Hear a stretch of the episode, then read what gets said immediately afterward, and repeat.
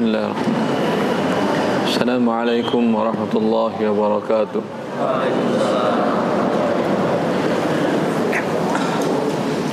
إن الحمد لله نحمده ونستعينه ونستغفره ونستهديه ونتوب إليه. أشهد أن لا إله إلا الله وحده لا شريك له وأشهد أن محمدا عبده ورسوله.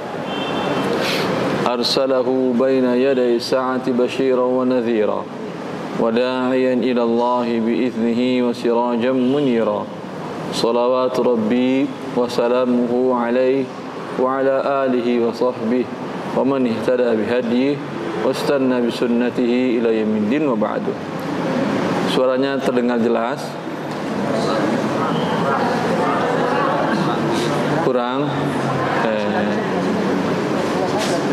Bagaimana caranya agar jelas?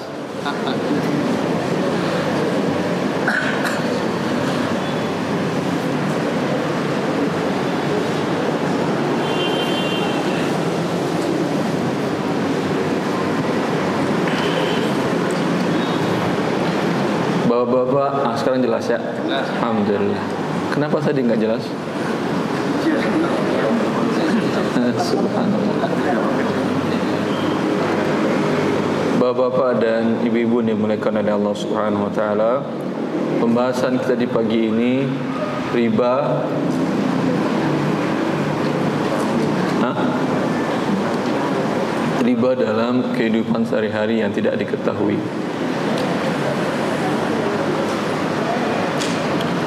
Saya akan menjelaskan terlebih dahulu definisi riba.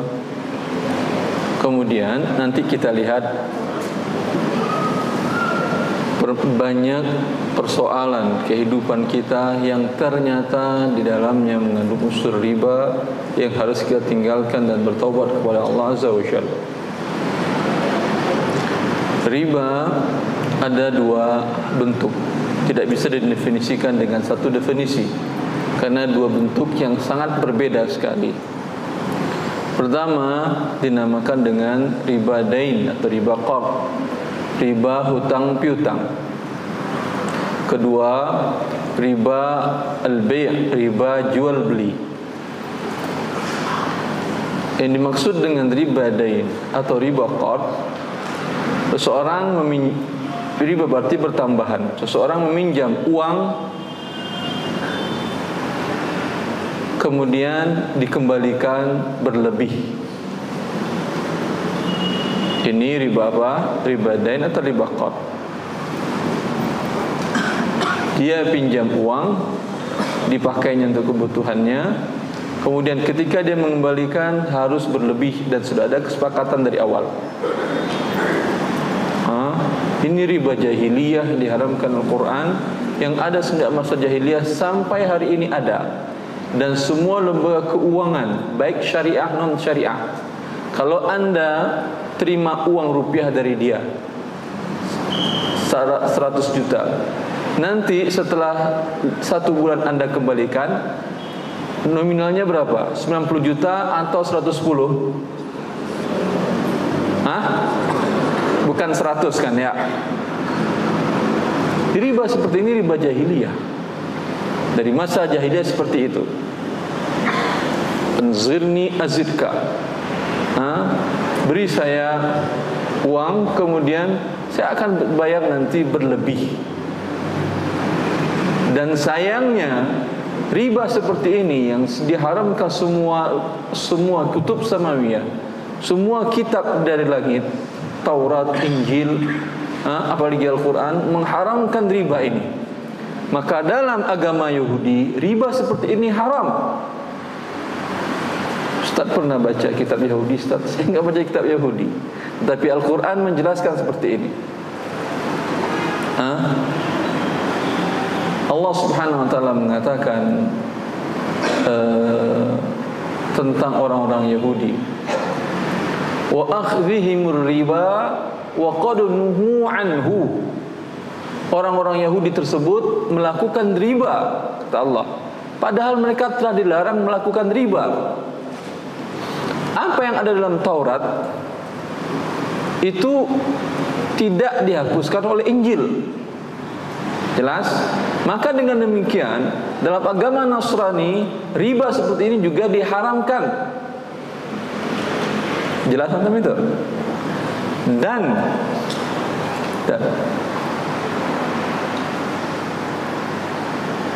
riba dari pertambahan hutang tersebut yang sebelumnya dalam bahasa Inggris mereka namakan dengan apa namanya? Bukan, bukan. Interest itu denda keterlambatan. Sanksi akibat dia terlambat. Apa nama istilah riba dalam bahasa Inggris? Kemudian yang riba itu diharamkan dalam semua gereja pada abad 17 diharamkan. Maka banyak para ekonom kemudian ekonom kufar membuat teori penghalalan riba dengan dengan atas nama interest. Interest itu artinya apa? Bukan bunga arti interest itu.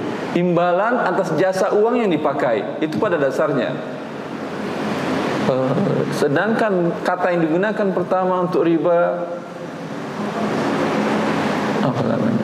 Saya baca itu dalam tesis Dr. Abdurrahman Abdullah Al-Imrani tentang al-manfaatu fil qardi, manfaat dari pinjaman.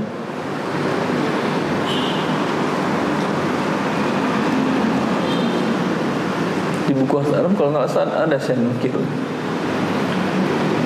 Karena kata itu diharamkan dalam gereja, maka mereka ganti katanya mereka ganti kata riba tersebut apa ya? Dengan kata interest yang berarti adalah interest adalah arti keuntungan sebetulnya. Iya atau tidak? Keuntungan akibat dia memberikan pinjaman. Di dalam bahasa Indonesia juga begitu. Kalaulah digunakan kata riba untuk bunga-bunga di lembaga, lembaga keuangan riba itu, itu kan riba dalam bahasa Indonesia atau tidak? Mereka gunakan dengan kata bunga mereka ganti dengan kata bunga. Tujuannya untuk memperhalus dan memperbaiki sesuatu yang diharamkan oleh Allah Subhanahu wa taala. Ini sangat menyesatkan. Zina mereka ganti dengan kata apa? Selingkuh. Ya atau tidak? Selingkuh itu maksudnya apa? Nikah tanpa tahu istri kan ya nikah tanpa tahu istri terpenuhi semua rukun dan syaratnya sah atau tidak? Sah, ibu masya Allah sah. Nah, boleh istri kedua berarti kan ya? Bukan seling, bukan mereka namakan selingkuh itu untuk perzinaan yang diharamkan dalam Quran.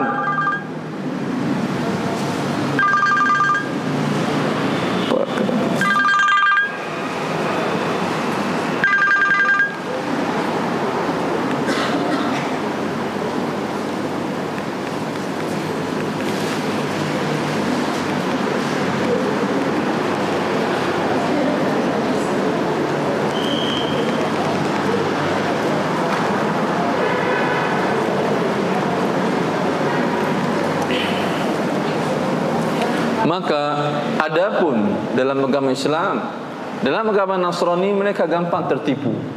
Tertipu dengan istilah dan kata-kata. Dalam agama Islam para ulama kita cerdas. Mereka mengerti setelah mengerti definisi riba, apa pun namanya ente buat ya, tetap kalau sama bentuknya adalah sesuatu yang diharamkan oleh Allah. Nah, untuk kata riba tadi, Definisinya yang pertama, ah, seorang menyerahkan uang berhutang, baik hutang dalam bentuk uang atau hutang dalam bentuk pembelian barang dan jasa. Kemudian bila terlambat ada pertambahannya. Jelas? Maka semua yang ada pertambahan adalah riba. Anda pinjam uang ke lembaga keuangan 100 juta, dikembalikan berlebih atau berkurang? Kelebihan itu adalah riba. Kalau di bank syariah Anda terima uang atau barang? Siapa yang pernah melakukan akad pembiayaan dengan bank syariah? Siapa yang pernah? Ada. Yang anda anda terima barang atau uang? Barang. Barang, bukan uang. Sama sekali anda terima uang. Ini jual beli. Tapi kalau diterimanya uang dan sebagian bank syariah ada seperti itu, ada atau tidak? Hah? Dia dia beri namanya pembiayaan ini, pembiayaan itu, tapi tetap yang diterima nasabah adalah rupiah. Nanti kemudian nasabah mengembalikan rupiah dengan cara cicilan yang berlebih. Ini juga riba namanya walaupun bank syariah melakukannya. Bagi kita mau syariah mau tidak, yang penting kita tahu hakikatnya. Pertambahan dari uang yang dipinjam. Jelas ini. Bila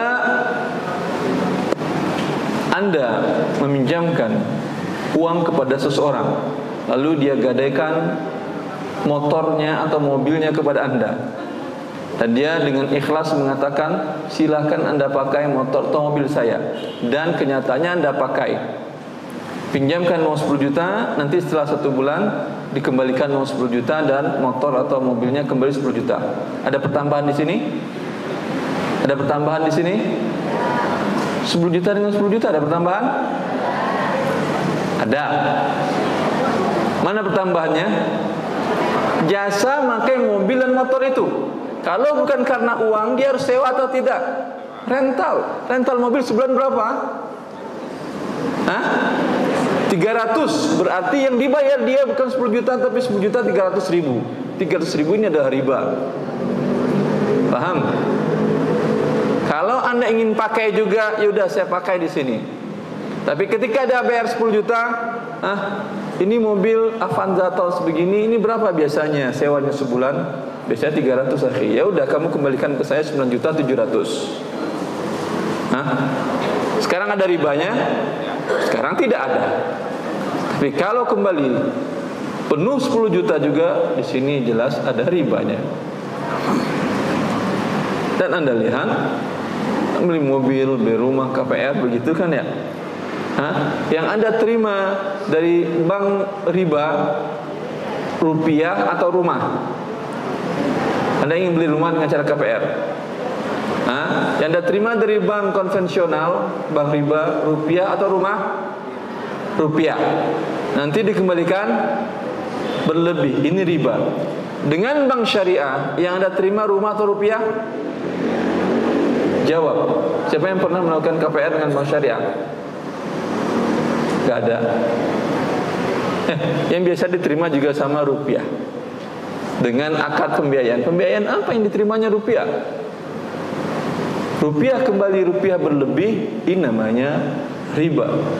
Tapi kalau beli rumah berlebih nggak ada masalah.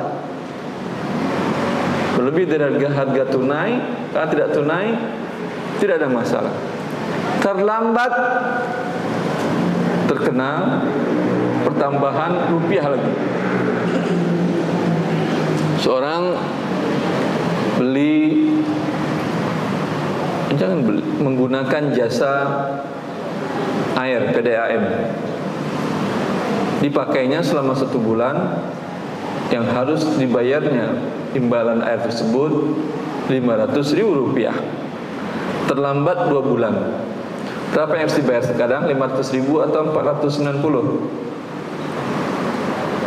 Hah? 500 ada pertambahan atau tidak? Ada. Ini namanya riba. Iya atau tidak? Ketika Anda membuka rekening atau membuka uh, mengajukan uh, agar di, mengajukan pemasangan PDAM ini, ada nggak persyaratan di situ bila terlambat dikenakan denda? Ada atau tidak? Anda setuju? Berarti Anda menyetujui riba. Allah mengharamkan riba, Anda menyetujui riba. Pemasangan listrik pasca bayar terlambat Anda membayar. Sudah Anda gunakan jasa listriknya selama dua bulan, tiga bulan, belum Anda bayar-bayar, terlambat. Ah, dikenakan pertambahan atau tidak? Ini juga riba. Pada waktu Anda pasang listrik tersebut, ada klausul ini atau tidak? Anda tahu itu? Dan ada tanda tangannya setuju. Anda menyetujui riba pada Allah mengharamkan riba. Jelas? Jadi riba bukan milik bank riba saja. Bank riba itu sudah jelas induk semangnya riba. Ini ada lagi yang ponakan-ponakan ribanya. Maka wajib bagi anda robah listrik pasca bayar dengan prabayar. Mereka mengatakan denda keterlambatan itu untuk kedisiplinan pak. Biar mereka disiplin dalam membayar tagihan. Disiplin mana yang para bayar dengan pasca bayar? Yang ketika terlambat langsung padam. Mana yang disiplin? Nah, coba mana yang disiplin? Prabayar tidak ada ribanya, itu lebih disiplin. Yang ada ribanya ini bukan disiplin. Itu cara mereka mengambil harta manusia sebanyak-banyaknya. Anda lihat kartu kredit terkadang 0%. Yang diinginkannya apa? Denda keterlambatan. Karena kebiasaan manusia Survei mengatakan, survei ekonomi mengatakan bahwa hampir 100% kebiasaan manusia itu suka terlambat membayar tanggungan atau kewajiban. Apa tujuan mereka? Ketika Anda terlambat bayar berlebih, ketika Anda berlebih di sini mereka harapkan keuntungan. Keuntungan riba itu yang mereka harapkan. Sehingga bagi mereka nggak masalah 0%, tapi terlambat dendanya 0,05% dikali hari dikali besarnya tunggakan Anda. Itu bisa nanti dalam waktu 3 bulan 100% dari nilai hutang. Kaya dia cepat dengan cara riba tersebut. Allah. Anak yang sekolah di SD atau di SMP yang swasta. Terlambat membayar tunggakan. Bulanan ada denda? Ada denda? Hah? Eh, mungkin sebagian sekolah tidak ada karena anda tidak tidak menyekolahkan anak di swasta ada beberapa teman Ustaz anak SK sekolah di SD Islam ternama terlambat saya bayar uang sekolah ada denda oh itu bukan sekolah Islam, sekolah riba. Wallah itu sekolah riba. Islam apa yang menerapkan sistem riba itu? Iuran pemeliharaan lingkungan sebagian perumahan. Terlambat Anda membayar iuran dikenakan denda atau tidak? Hah? Iya atau tidak? Ini riba. Bila rapat lingkungan Anda menyetujui adanya denda keterlambatan untuk pembayaran iuran pemeliharaan lingkungan, Anda menyetujui riba. Ustaz kalau nggak gitu dia nggak bayar-bayar. Kata siapa nggak bayar banyak cara untuk membuat orang itu cerah. Ada beberapa beberapa klaster di perumahan tempat saya tinggal di kota wisata. Ada klaster yang terkenal di sana banyak ikhwah yang sudah ngaji tinggal di sana. Ustaz klaster kami ada denda keterlambatan minta hapuskan. Mereka minta hapuskan dan berhasil dihapuskan.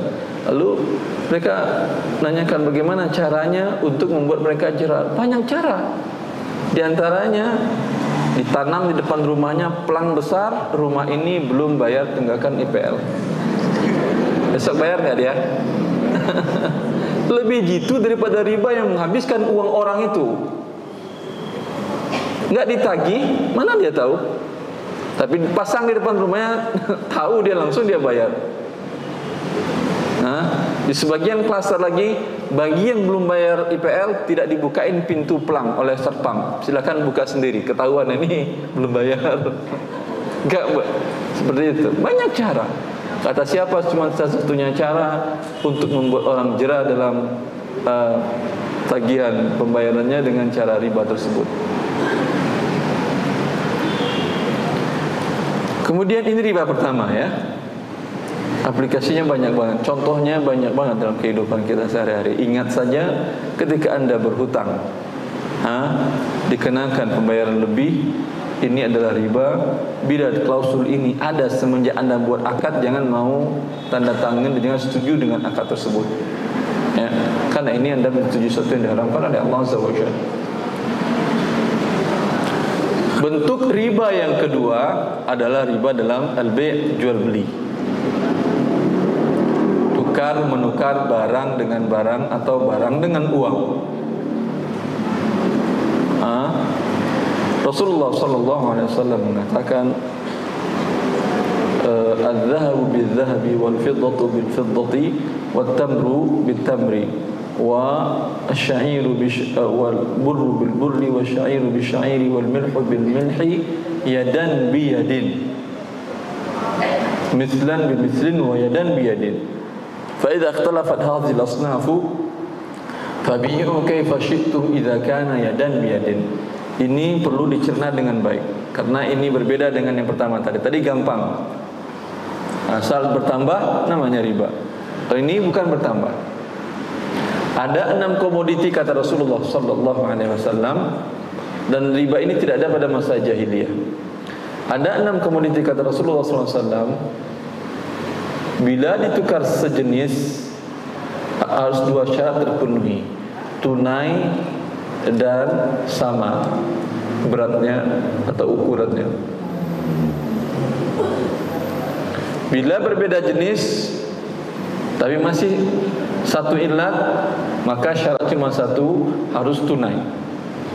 Dari enam komoditi ini emas, perak satu kelompok. Sisanya apa tadi? Korma, gandum dengan dua jenisnya, ada gandum yang bulat, ada gandum yang panjang. Terus apa lagi? Garam. Ya. Ini adalah makanan pokok. Bila makanan pokok beras ditukar sejenis dengan beras, syaratnya agar menjadi halal apa? Tunai dan beratnya sama. Tidak boleh beras rojo lele satu kilo beras yang jat masih ada jatah beras. Apa beras yang murah apa? Oh, beras yang murah? Beras raskin. Beras raskin 4 kilo. Sama nggak sekarang beratnya? Hah? Tidak riba atau tidak riba lah kalau gitu Islam berarti menafikan value atau nilai dari kualitas tidak Islam tidak menafikan ini kalau anda ingin tukar beras bagus Anda atau beras jelek Anda dengan rupiah, kemudian dengan rupiah beli beras bagus tadi. Sehingga bukan tukar yang sejenis. Apa hikmahnya? Allah taala alam, banyak hikmah di belakang itu. Agar orang tidak sekedar menukar beras dengan beras tapi di, di uh, apa terjadi namanya perputaran barang dan uang kepada banyak pihak dengan cara dijual. Paham itu? Paham?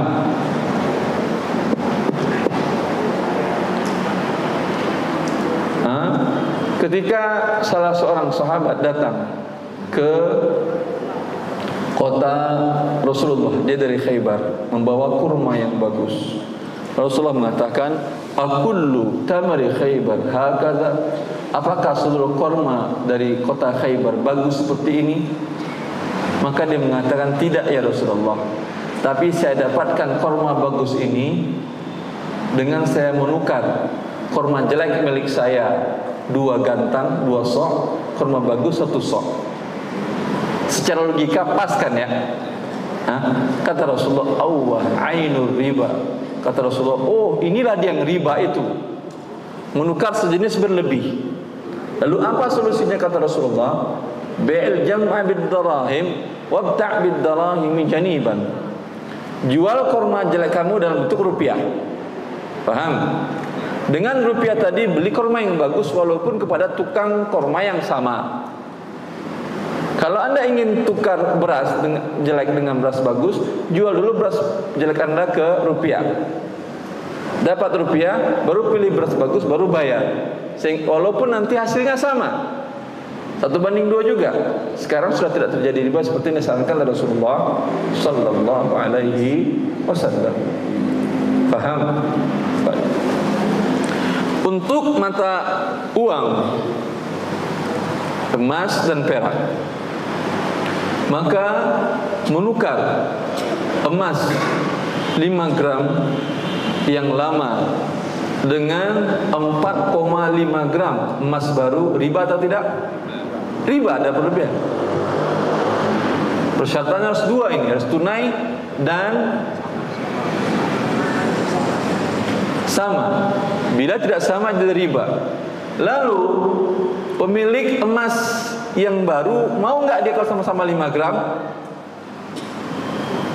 Mau nggak dia sama-sama 5 gram? Kamu riba ini harus 5 gram juga. Enak aja sama gram punya saya baru. Hah, nggak mau dia kan? Terjadi nggak jual beli? Tidak terjadi. Memang itu diinginkan Islam. Solusinya bagaimana? Jual emas lama anda dengan rupiah. Dapat rupiah, mana masih baru yang ini? 5 gram. Oh iya, berapa harganya? Oh berlebih tadi, kurang uang saya. Ini tambahin.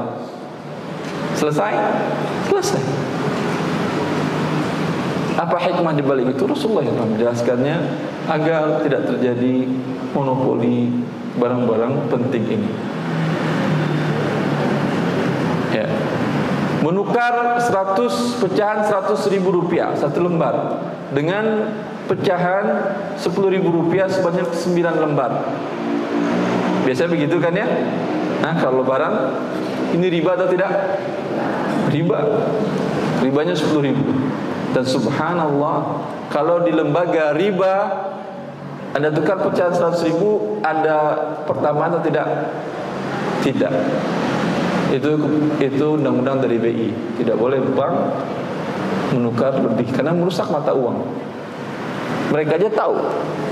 Padahal mereka apakah mengerti syariat haram halal riba? Tidak. Cuma bagi mereka dalam kajian ekonomi mereka, bila ini terjadi, maka uang menjadi alat perdagangan. Bila uang mata uang jadi alat perdagangan, fluktuasinya sangat tidak terkontrol. Paham? Hanya karena dunia urusan mereka. Itu diharamkan oleh Rasulullah 14 abad yang lalu, baru hari ini mereka tahu. Paham tuh? Ya. Kemudian tukar menukar uang rupiah dengan rupiah yang sejenis, ya. rupiah dengan rupiah syaratnya tadi dua, harus sama nominalnya dan tunai. Rupiah dengan dolar harus sama, tidak tidak perlu sama, tetapi harus tunai. Tidak boleh. Pagi saya serahkan dolar, sore saya terima rupiah. Ini riba nasiah namanya. Riba tidak tunai namanya. Jelas?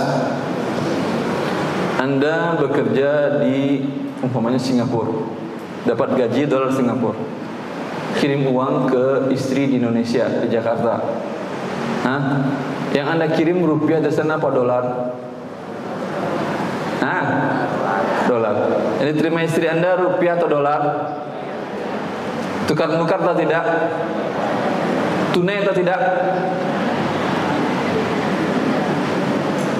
Hah? Tunai tidak? Jawab.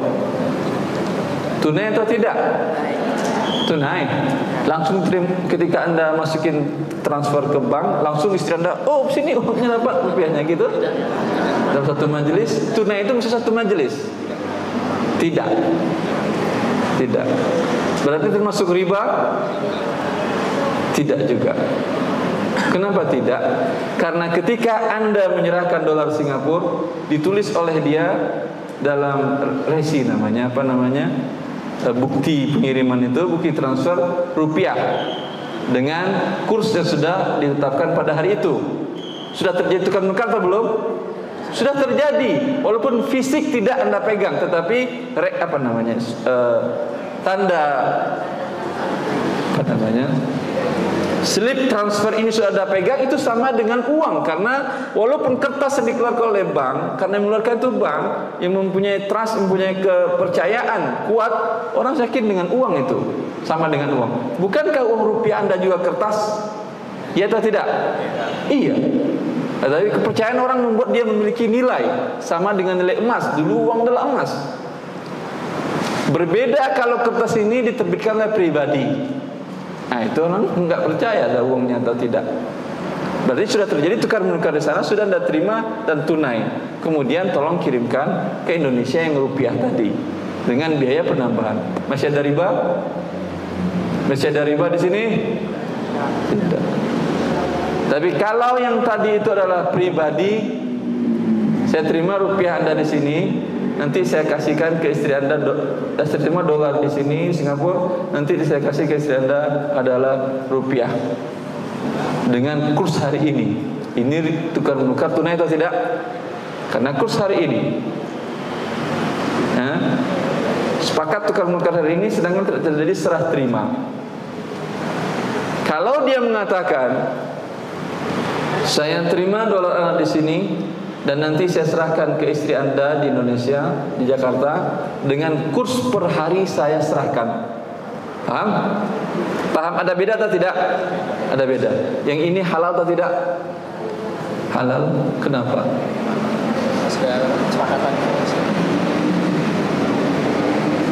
Halal atau tidak yang ini? Tunai atau tidak yang ini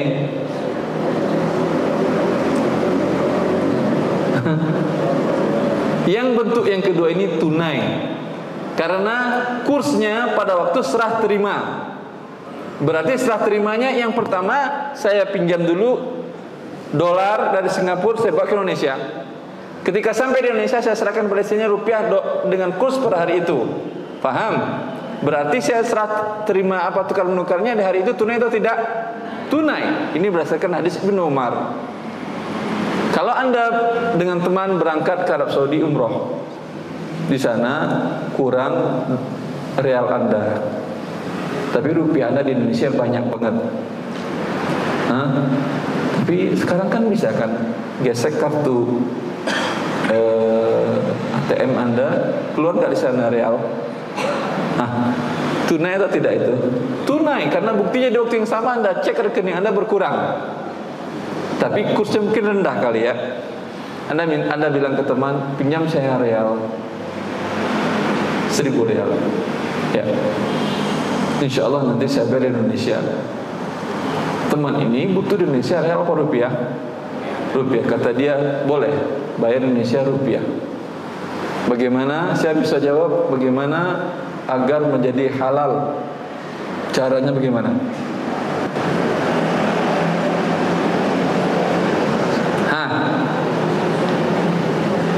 Dia mengatakan nanti bayar di Indonesia dengan kurs per hari ini. Karena biasanya di musim haji dan umrah real tinggi kan?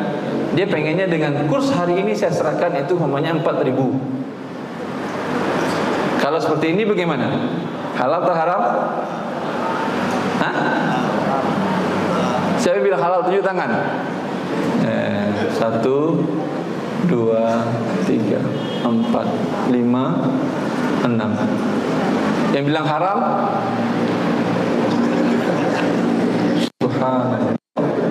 Satu jam saya ceramah nggak ada yang paham. Haram ya akhi. Kenapa?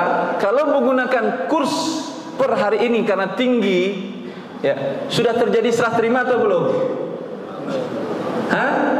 belum yang terima baru real rupiah nanti berarti tidak tunai dan terjadi riba di situ.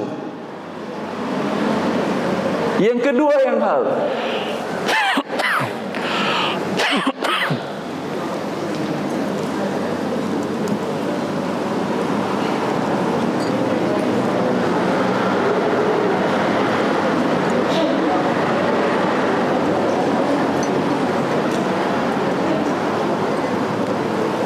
Yang kedua yang halal. Saya nggak mau seperti itu karena riba kata saya Erwandi. Saya maunya saya pinjam real Anda, saya bayar Indonesia rupiah dengan kurs waktu saya menyerahkan uang. Mungkin turun, mungkin naik, tapi biasanya turun kan kalau sudah selesai musim haji dan umroh, Ramadan biasanya kurs real tinggi. Ramadan, Syawal, Zulqa'dah, Zulhijjah tinggi. Karena orang butuh real dari seluruh dunia banyak. Nah, kalau dia bilang saya bayar dengan kurs hari saya menyerahkan, ini menjadi halal karena tukar menukarnya pada waktu itu. Uang real sudah saya terima sebelumnya, sudah dalam tanggungan saya, ini rupiahnya dengan kurs hari ini. Berarti seolah-olah serah terimanya hari ini berdasarkan hadis Ibnu Umar. Umar bertanya kepada Rasulullah, ya Rasulullah, saya seling jual beli onta di pasar Madinah. Terkadang yang beli pakai dinar, tapi ketika bayar dia bayar pakai dirham. Dinar uang emas, dirham uang perak. Perbandingnya dulu masa Rasulullah satu banding sepuluh. Satu dinar, sepuluh dirham. Terkadang kesepakatan bayar pakai dirham, ternyata ketika dia bayar pakai dinar, maka tertukar menukar atau tidak? Tukar menukar tadi dia, dia sepakat dinar. Ketika dia pakai dirham tukar menukar atau tidak? Tukar menukar berarti harus ada kurs dan segala macam konsekuensi riba dan tidaknya. Kata Rasul, la ba'sa idza kana bi si'ri yawmiha wa alla tatafarraqa wa syai'. Boleh kata Rasulullah dengan syarat pada waktu pembayaran ha, dengan mata uang yang berbeda itu menggunakan kurs hari pembayaran. Sehingga terjadi dia tukar menukar tunai pada waktu itu. Paham tadi itu kasusnya? Ha? paham? Saya ulangi lagi pertanyaan. Ha? saya pinjam emas ke anda. Satu kilo. Jelas nanti saya bilang nanti insya Allah setelah satu tahun saya bayar rupiah ya. Jelas? Waktu pinjam sekilo tadi 500 juta. Ya. Waktu pembayaran ternyata sekilo tadi naik menjadi 550 juta. Anda minta yang mana? Uangnya. Ke saya kalau saya serahkan emas kilo selesai masalahnya. Saya minta emas tak dia udah selesai masalahnya nggak ada masalah. Kalau saya tetap bersikeras pakai rupiah karena kesepakatan rupiah. Anda minta 500 atau 550? Dia nanti ada giliran. Ah. 550. 550. Kenapa? Kenapa? Karena tamak atau kenapa? Apa? Setelah dia tukar tadi, antara harga masa berbeda setahun kemudian. Ulangi, kenapa? Ya, nanti setelah waktu dia apa uh, membalikan duit tersebut, membalikan emasnya kan beda harganya harga emas nanti setahun kemudian itu bisa jadi naik kan. Jadi kita pakai harga tersebut. Harga naik. Ya. Kalau pas turun, harga turun. Karena kan kesepakatannya di setahun kemudian. eh, betul atau salah? Mau nggak ada ketika turun? Harus mau karena kalau nggak Anda mau atau tidak harus mau? Enggak mau minta aja emas kalau gitu. Kalau terus minta emas, kalau naik minta rupiah nggak ada masalah. Eh betul. Bukan dengan kurs pada harga waktu saya ambil emas. Anda lihat sekarang orang pinjam emas begitu kan ya? Hah? Bahkan ter- terkadang diserahkan rupiah. Kita ikat dengan harga emas ya. Ini uang 100 juta. Per hari ini berapa emas? Berapa emas? 100 juta berapa? Satu on anggap. Hah? Setengah on. Anggap kita katakan setengah on. Nanti kita kamu bayar, bayar dengan nilai emas setengah on. Dua tahun setelah itu, dua tahun setelah itu dia mau bayar. Ini uang 100 juta. Oh, kata siapa 100 juta? Kesepakatan kita setengah on. Kita lihat harga emas hari ini. Setengah on itu ternyata 120. Kamu harus bayar 120. Boleh ini? Banyak atau tidak seperti ini terjadi? Nah, boleh ini? Hah? Boleh, masya Allah tukang riba besar ya ente. Saya pinjam 100 juta, saya kembalikan 120. Berapa pertambahan ribanya? 20. Oh itu kan imbalan inflasi Ustaz. Inflasi yang bikin bukan saya. Si tukang riba dunia anda itu yang bikin inflasi. Kenapa harus saya bayar? Paham? Paham tuh? Kalau anda tidak mau berkurang, jangan serahkan rupiah ke saya. Emas serahkan ke saya, nanti minta emas lagi. Mau naik, mau turun nggak urusan. Paham? Tapi kalau sekedar diikat, ini haram hukum. Tak. Siapa yang bisa jawab pertanyaan yang luar biasa ini? Kalau jawabannya betul, saya kasih hadiah. Ada hadiah?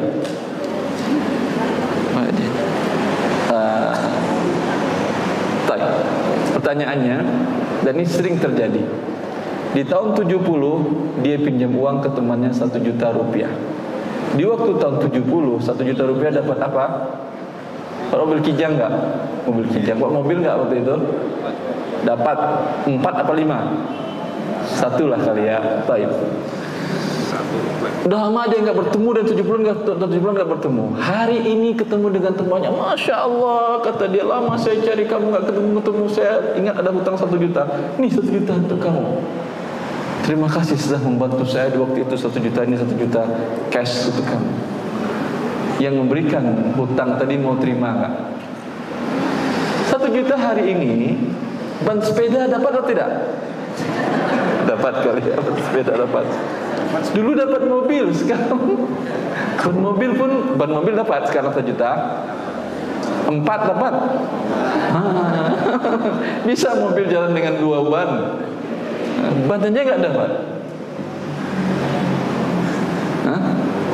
Gimana ini? Harus dia bayar dengan harga kata dia kamu pinjam satu juta, saya pinjamkan satu juta di waktu itu, tapi per hari satu juta itu sama dengan harga mobil mamanya 50 juta. Serahkan 50 juta, baru saya reto. Dia bilang, kalau saya serahkan 50 juta, berarti ada pertambahan 49 juta. Bukankah ini riba? Saya nggak mau riba aja. Saya siap bayar, tapi saya nggak mau riba. Nah, gimana? Solusinya gimana? Siapa yang bisa? Siapa yang bisa?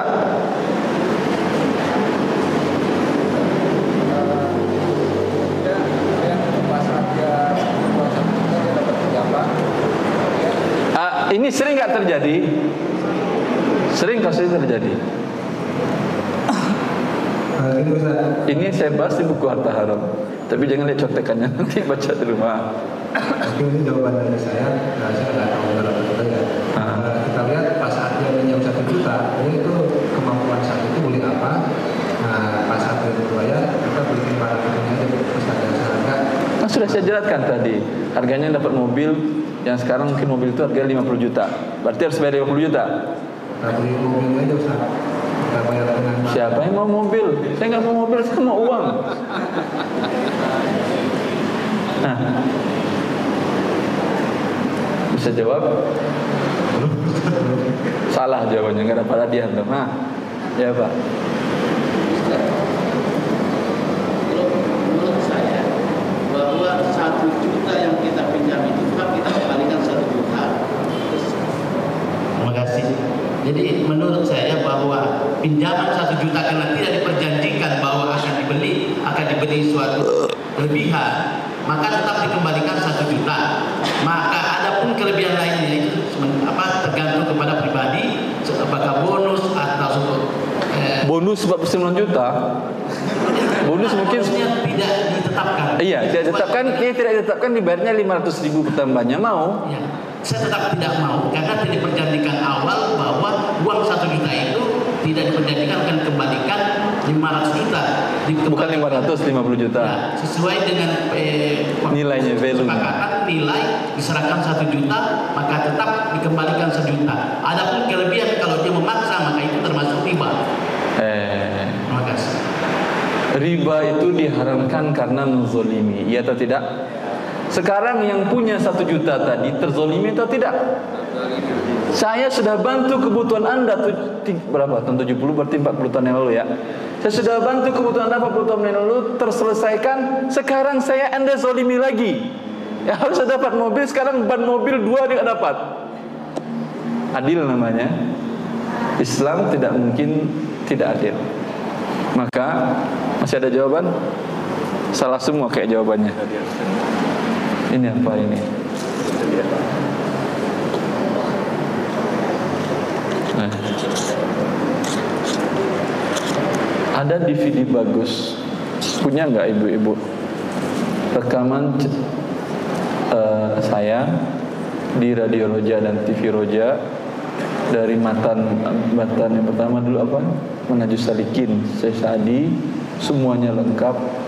Kemudian matan takrib semuanya lengkap dalam Syafi'i. Itu ada DVD-nya dengan tanya jawabnya.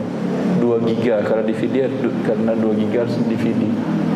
Itu dijual di internet 30.000 kalau nggak salah saya.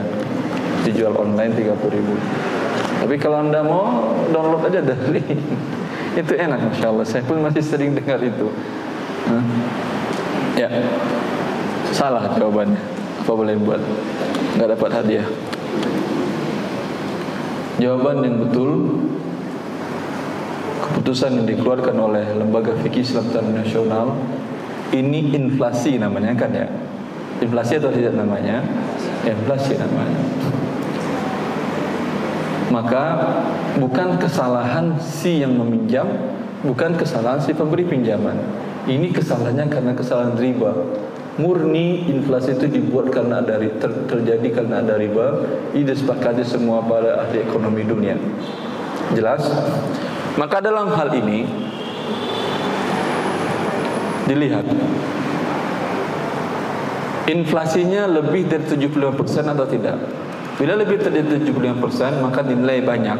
Ketika itu maka mata uang uang yang rupiah di waktu di 50 tahun yang lalu itu tidak dianggap rupiah lagi. Tidak laku. Ketika tidak laku dinilai dengan emas per hari ini. Coba antara satu juta dengan 50 juta pengurangannya lebih nggak dari 75 persen? Lebih 90 persen ada ya atau tidak?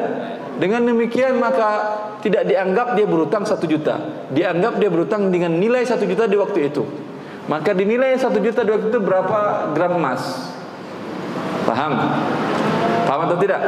Nah, umpamanya satu juta di waktu itu sama dengan 2,5 on ya. Atau 2 on. Dan per hari ini 2 on itu sama dengan 50 juta. Maka bayarnya 50 juta. Ini yang adil. Adil atau tidak ini? Adil. Ini yang adil. Tidak dianggap mata uang tersebut.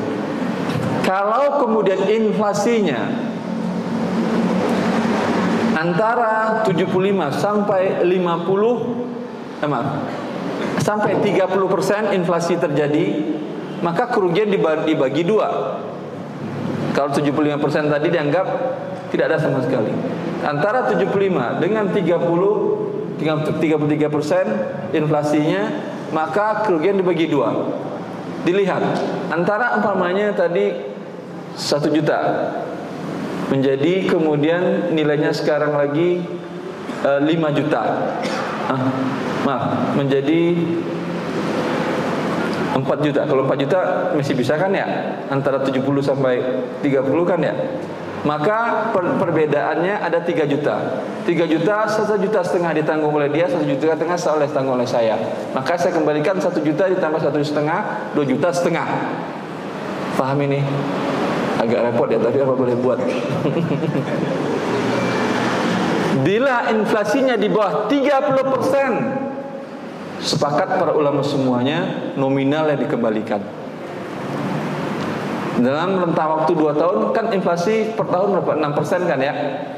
Ya, 2 tahun mungkin 12%. Maka tidak boleh Anda bayar setelah 2 tahun minta 100 juta 16 ribu rupiah. Saya pinjamkan 100 juta, itu terjadi inflasi sepakat. Kan Anda tahu kan inflasi 6% tahun kemarin? Iya Pak. Sekarang tahun ini 7% tahu tahu Pak. Berarti 13% inflasinya. Iya. Saya nggak mau dong uang saya berkurang. Anda sudah gunakan saya tidak dapat pertambahan apa pun juga. Masa uang saya berkurang lagi nilainya? Tolong beri tambahan 13%. 13 juta dari uang saya 100 juta tadi. Ini sepakat para ulama haram. Ini yang riba. Karena inflasinya kecil. Karena yang kecil tidak dianggap perlu harus diganti dengan sesuai dengan keadilan tadi. Paham? paham tapi mungkin lupa untuk caranya tadi. Allah ibarik fikum. Itu untuk utang yang yang selamatnya seperti saya katakan tadi pakai emas. Pinjamkan emas, mau 10 tahun, mau 100 tahun dia bayar emas tetap. Karena subhanallah nilai emas itu Allah yang ngatur. Di masa Rasulullah, Rasulullah memberikan kepada Urwah al-Bariki satu dinar. Satu dinar berapa juta sekarang? 4,25 gram. 2 juta setengah ya. Disuruh beli kambing satu dinar. Dapat satu dinar satu kambing di waktu itu. Hari ini dapat nggak dalam 2 juta setengah satu kambing? Dapat atau tidak? 14 abad tidak ada perubahan pertukaran mata uang ini dengan barang dan jasa. Karena Allah yang mengaturnya Allah adil. Inflasi adalah kezaliman apa dosa saya nyimpan uang saya 100 juta Kemudian setelah 10 tahun nilainya cuma setengah Kalau maling kan gampang digebukin Ini Siapa yang akan yang makan uang anda adalah para tukang riba dalam bentuk lembaga keuangan yang memutar uangnya dengan cara riba sehingga terjadi inflasi. Allah taala alam. Jam 11 lewat 10 tinggal 20 menit. Kalau ada pertanyaan silahkan. Tat, ada tat. Ya, ada mic.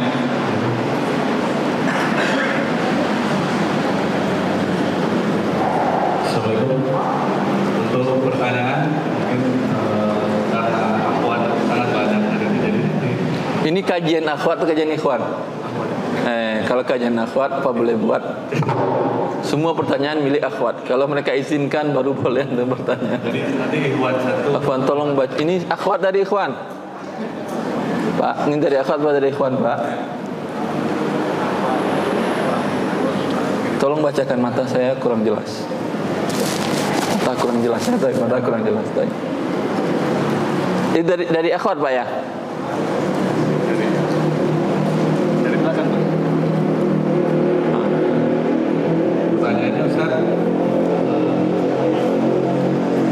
apakah termasuk riba kelebihan jenis usaha bank konvensional eh, seperti Bank BRI, Mandiri, BCA dan koperasi simpan pinjam terima kasih atas Gak paham saya.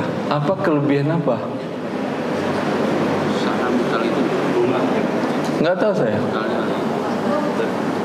Yang bertanya apa maksudnya ini?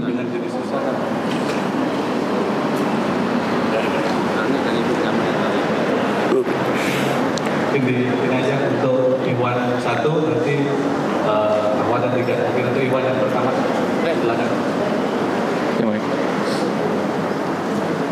Assalamualaikum Pak. Assalamualaikum warahmatullahi bertanya tapi di uh, wakil itu Pak Ustaz. Boleh berhenti ya? Boleh. Di wakil tapi maksudnya masih mau amanat juga. Di wakil tapi masih mau amanat. Dari satu lima pak. Nggak boleh Pak, nanti aja di luar masjid. Di luar masjid aja. Nah.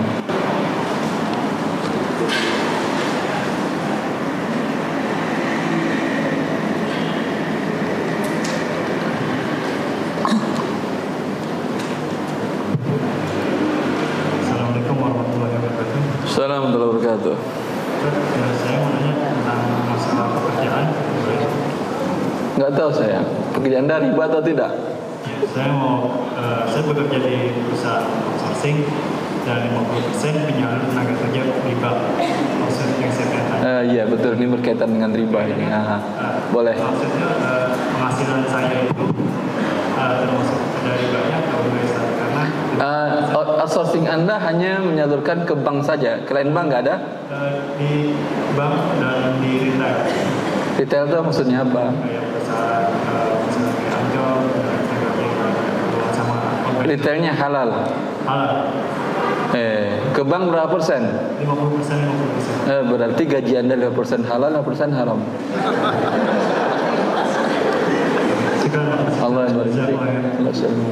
Masalahnya, kalau tidak ada outsourcing Anda, bank itu mati kan ya? Mati atau tidak dia kalau Anda tidak salurkan tenaga kerja?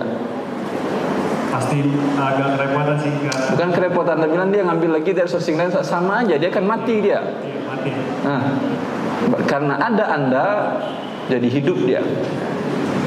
Maka haram 50% dari gaji Anda. Eh, silakan untuk awat Assalamualaikum Ustaz. Assalamualaikum warahmatullahi wabarakatuh. Uh, Ustaz saya ingin bertanya bagaimana uh, apakah halal jika saya ingin membeli saham melalui Bursa Efek Jakarta? Ibu belinya bagaimana caranya? Uh, membelinya melalui Bursa Efek Jakarta berarti yang sudah list di BEJ Ustaz. List di BEJ. Perusahaan apa? Contohnya yang akan ibu beli perusahaannya bagaimana? Misalnya perusahaan makanan. Ah, type. Perusahaan makanan ini, ibu lihat nggak dalam laporan keuangannya bahwa ada pertambahan modal dengan pinjaman riba di bank konvensional? Ada atau tidak?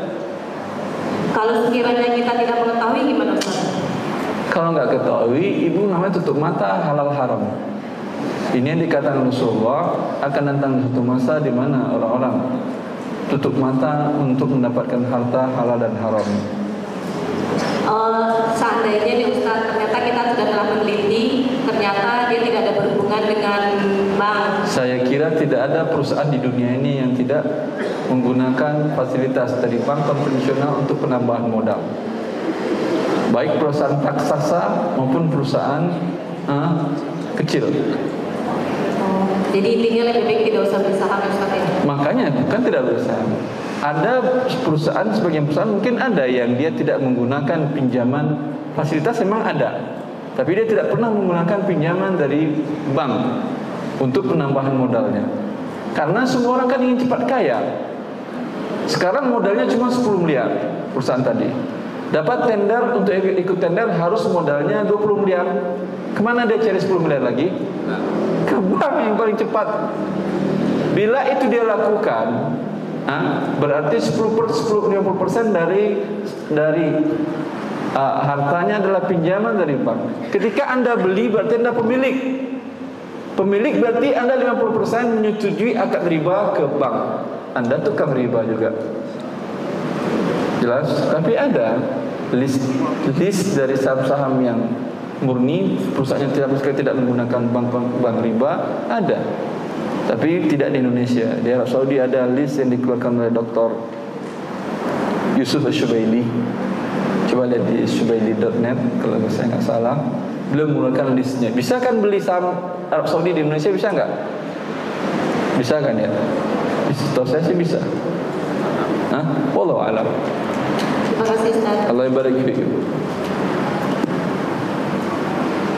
Perusahaan Telkom umpamanya walaupun dia bergerak di bidang jasa yang halal, tapi ada nggak pinjaman ribanya? Pasti ada. Kekurangan gaji untuk karyawan umpamanya, penambahan modal umpamanya dan lain-lain. Terus Pertanyaan selanjutnya ya Ted. Ini saya bacakan uh, pertanyaan tulisan. Assalamualaikum warahmatullahi wabarakatuh. Ustaz. salam wabarakatuh. Saya bendahara di suatu perusahaan yang bekerja sama konvensional yang menawarkan produk pinjaman tanpa agunan.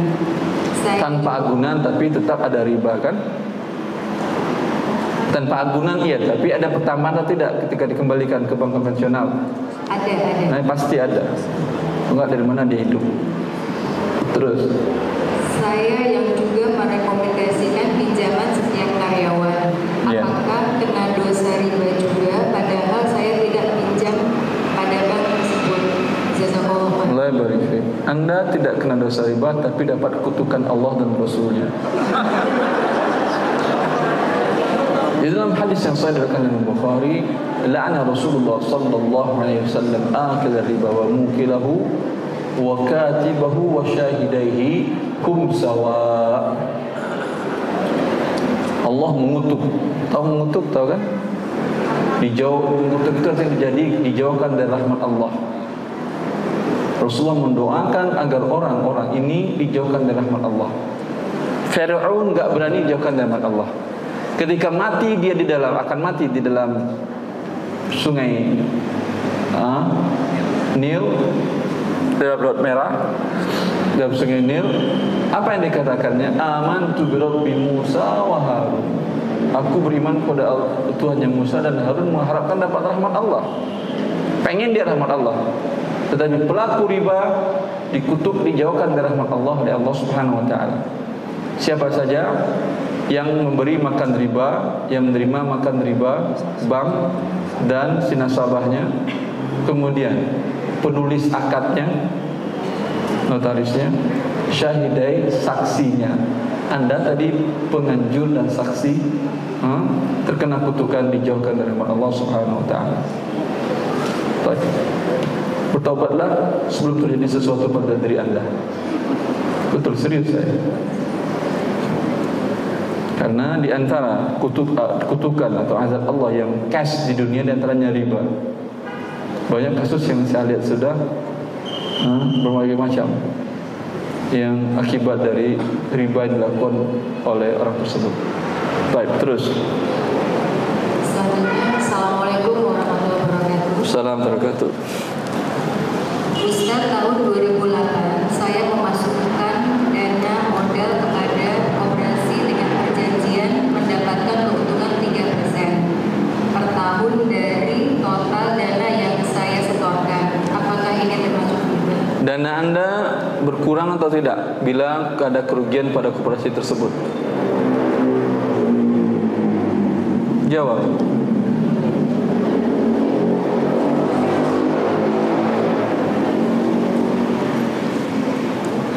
Anda store 100 juta ke koperasi tadi. Nanti setelah satu tahun dapat pertambahan 3%. Tapi apakah mungkin dana Anda berkurang karena rugi usahanya atau tidak? Assalamualaikum. Assalamualaikum. Saya. Ya. Jadi sampai saat ini dana itu belum saya tarik sama sekali. Enggak kesepakatan dari awal. Ya, dari awal itu Iya, nanti kembali 25 juta atau tergantung uh, modal itu tetap 25 juta. Tetap kembali 25 juta apa pun yang terjadi dengan koperasi.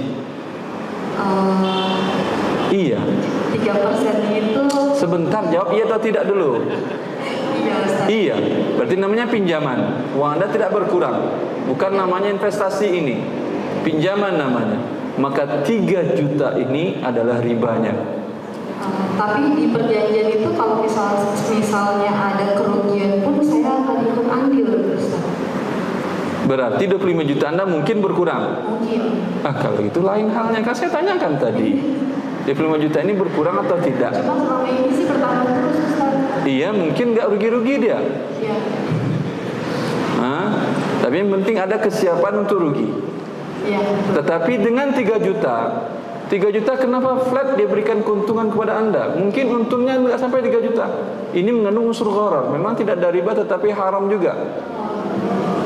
Paham? Kemungkinan keuntungan dia dari keseluruhannya dari 100 juta modalnya ditambah modal Anda 25 juta cuma 3 juta. Karena sudah sepakat Anda dengan 3 juta tetap flat, makanya Anda sendiri dapat keuntungan yang lain gigit jari. Jadi menurut Ustaz gimana ya saya? Harus saya saya cabut cabut atau robah akadnya 25 juta ini tetap saya investasikan dan saya tidak mau dengan 3 juta per tahun. Saya mau uang saya berapa persen dari keseluruhan modal Anda. Mereka katakan umpamanya uang 25 juta Anda itu sama dengan 10 persen dari semua modal kami. Berarti saya akan menang, mendapatkan keuntungan 10 persen dari dari keseluruhan laba bersih. Laba bersihnya Anda umpamanya 100 juta, dapat saya 10 juta. Kenapa Anda kasih saya 3 juta? Laba bersihnya kemudian umpamanya cuma 10 juta, dapat saya 1 juta. Kenapa harus 3 juta? Berarti Anda nombokin 2 juta dan ini adalah ribanya. Jelas Ibu? Jelas, lebih untung dong saya jadinya. Bisa lebih untung, bisa lebih rugi. Kalau untungnya besar, Ibu untung.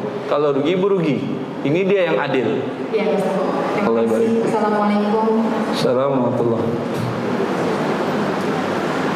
Saya ada pertanyaan, eh, apakah produk asuransi termasuk riba meskipun sudah dalam syariah dan bagaimana dengan BPJS? Eh. Asuransi walaupun syariah yang ada di Indonesia menurut saya masih riba. Masih monopol dan riba. Kenapa? Karena uang yang Anda terima tidak sama dengan premi yang Anda bayarkan. Lebih besar. Ini riba. Tadi kan kita katakan tukar uang dengan uang tidak sama. Riba atau tidak? Riba. Tidak tunai. Karena asuransi nggak tunai. Dia bayar premi bulanan nanti terima dalam waktu yang panjang. Riba atau tidak? Riba dengan dua bentuknya. Apa lagi? BPJS berbeda dengan asuransi. Yang Anda bayarkan rupiah. Yang Anda terima rupiah atau jasa? Nah, ini jual beli jasa. Cuman masalahnya dahulu masih ada denda keterlambatan. Tapi sekarang kata sudah dihapus ya. Nah, kalau nggak salah ada undang-undang menghapus yang menghapuskan denda keterlambatan. Nah, Wallahu taala alam. Boleh anda gunakan. Dan lebih bagus daripada asuransi kesehatan. Baik. Silakan selanjutnya untuk Rahmat. Assalamualaikum warahmatullahi Assalamualaikum warahmatullahi Apabila menabung di koperasi setiap tahunnya ada keuntungan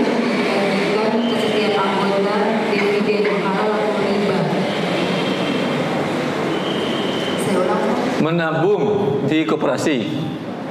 Ya. Ini nabung atau investasi?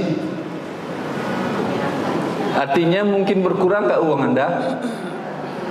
Jawab. Anak tukang koperasi. Ah. Akal berkurang atau tidak uang Anda dan tabungan tadi? Tidak. Berarti akannya pinjaman, bukan investasi. Sekarang ada pertambahan SHU. Ini bukan SHU namanya. SHR, sisa hasil riba. Jelas? Allah barik. Berbeda dengan koperasi yang uh, bergerak di bidang retail tadi. Karena mungkin naik, mungkin beruntung, mungkin kurang. Allah barik. Terus. Ini masih terkait koperasi Ustaz. Menurut Ustaz, koperasi syariah 212 yang baru dibentuk apakah betul syariah sesuai dengan syariah? Saya tidak tidak dapat draft pendirian undang-undang dan apa draft uh, anggaran ADRT-nya. Saya nggak tahu Pak syariah atau tidak. Tapi ada sekarang untuk menyaingi itu juga ada kooperasi yang dibikin oleh ikhwah kita namanya uh, Jumat Berkah menandingi 212 itu juga Jumat Berkah itu dia kerjasama dengan PNI Syariah kemarin dia konsultasi ke saya tentang akad-akadnya uh, direkturnya itu atau manajemennya manajernya. Dan banyak akad-akadnya yang perlu diperbaiki. Kembali draft akadnya diperbaiki. Kalaulah mereka melakukan sama seperti yang apa yang saya anjurkan insya Allah selamat dari yang haram. Mereka menjual saham per sahamnya 10 juta namanya koperasi ukhuwah Jum'ah Berkah.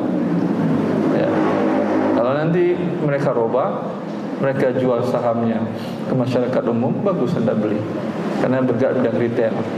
Tujuannya ingin menyaingi retail yang ada sekarang. Yang sudah menyesakkan dada. Baik,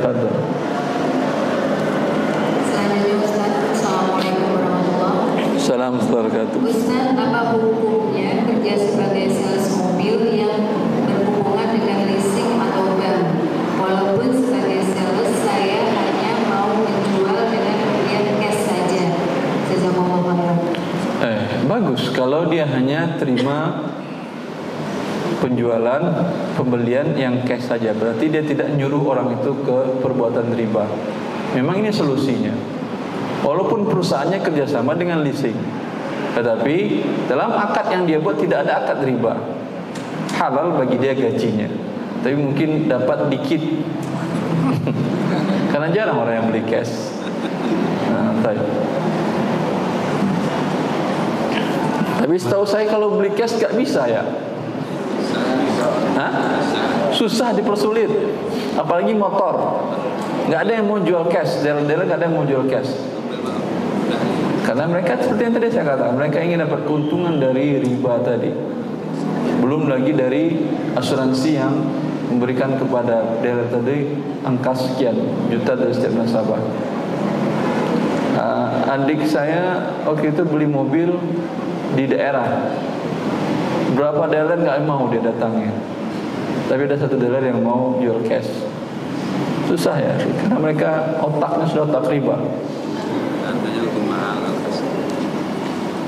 Lebih mahal enggak juga? Oh, Allah, mungkin lebih mahal.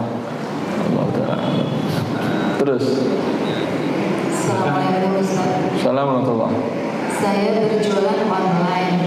Bolehkah saya menghilangkan merek merek barang grosir yang saya beli untuk dijual?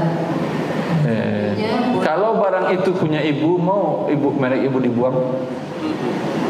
Diganti dengan merek anda nggak boleh ini penipuan tapi kalau dibuang saja tanpa diganti dengan merek yang lain nggak ada masalah menjadi hak anda setelah anda beli mau anda buang mereknya mau anda hak anda tapi bila dijual kembali pakai tempel merek anda yang baru ini nggak boleh rish menipu orang Ya, tinggal satu menit silakan. Mau apa yang anda katakan? Yang tadi masih dilanjutkan. Ah, silakan. Bolehkah mengganti merek barang dengan merek saya? Kan sudah saya jawab.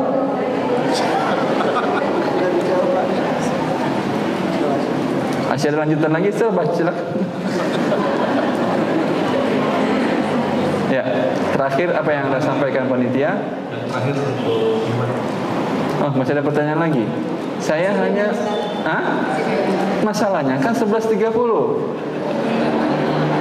Oh Ustaz datang terlambat Ustaz Saya siap Tapi bukan saya kesalahan saya Kesalahan panitia yang, yang ngirim Terlambat Jam 8 Jam 8 seperempat baru saya naik taksi. Saya tahu cuma 11.30 Iya atau tidak panitia? Jujur panitia 11.30 apa zuhur? Kalau zuhur saya tidak terima dari awal penawarannya Riba ini Tambahan Tambahan setengah jam Hah? Assalamualaikum warahmatullahi wabarakatuh. Ya, Assalamualaikum. Ini ada arisan untuk umroh. Taruhlah 10 orang. Setiap bulannya keluarga sepuluh ribu. Eh, maaf, eh, 5 juta. Berarti kalau menang saya akan dapat 50 juta. Saya bisa berangkat umroh. Namun setelah saya dari jauh umroh, tapi saya terus mengikuti Bayar lagi terus bayar tidak ada Sebesar uang yang anda terima atau lebih besar atau lebih kecil? Sebesar Masa besar nggak apa-apa, pinjam namanya. Tapi ini tidak bagus. Dianjurkan oleh para ulama dan disunahkan orang ingin safar apalagi umrah dan haji sebelum berangkat bayar hutang-hutang anda dahulu. Kalau ini anda mau umrah ngutang dahulu. Kalau mati di sana bagaimana? Mati bawa hutang mau? Enggak kan ya? Ah, makanya tidak bagus. Terima kasih Allah barik fiik. Subhanakallahumma bihamdika asyhadu an la ilaha illa anta. Assalamualaikum warahmatullahi wabarakatuh.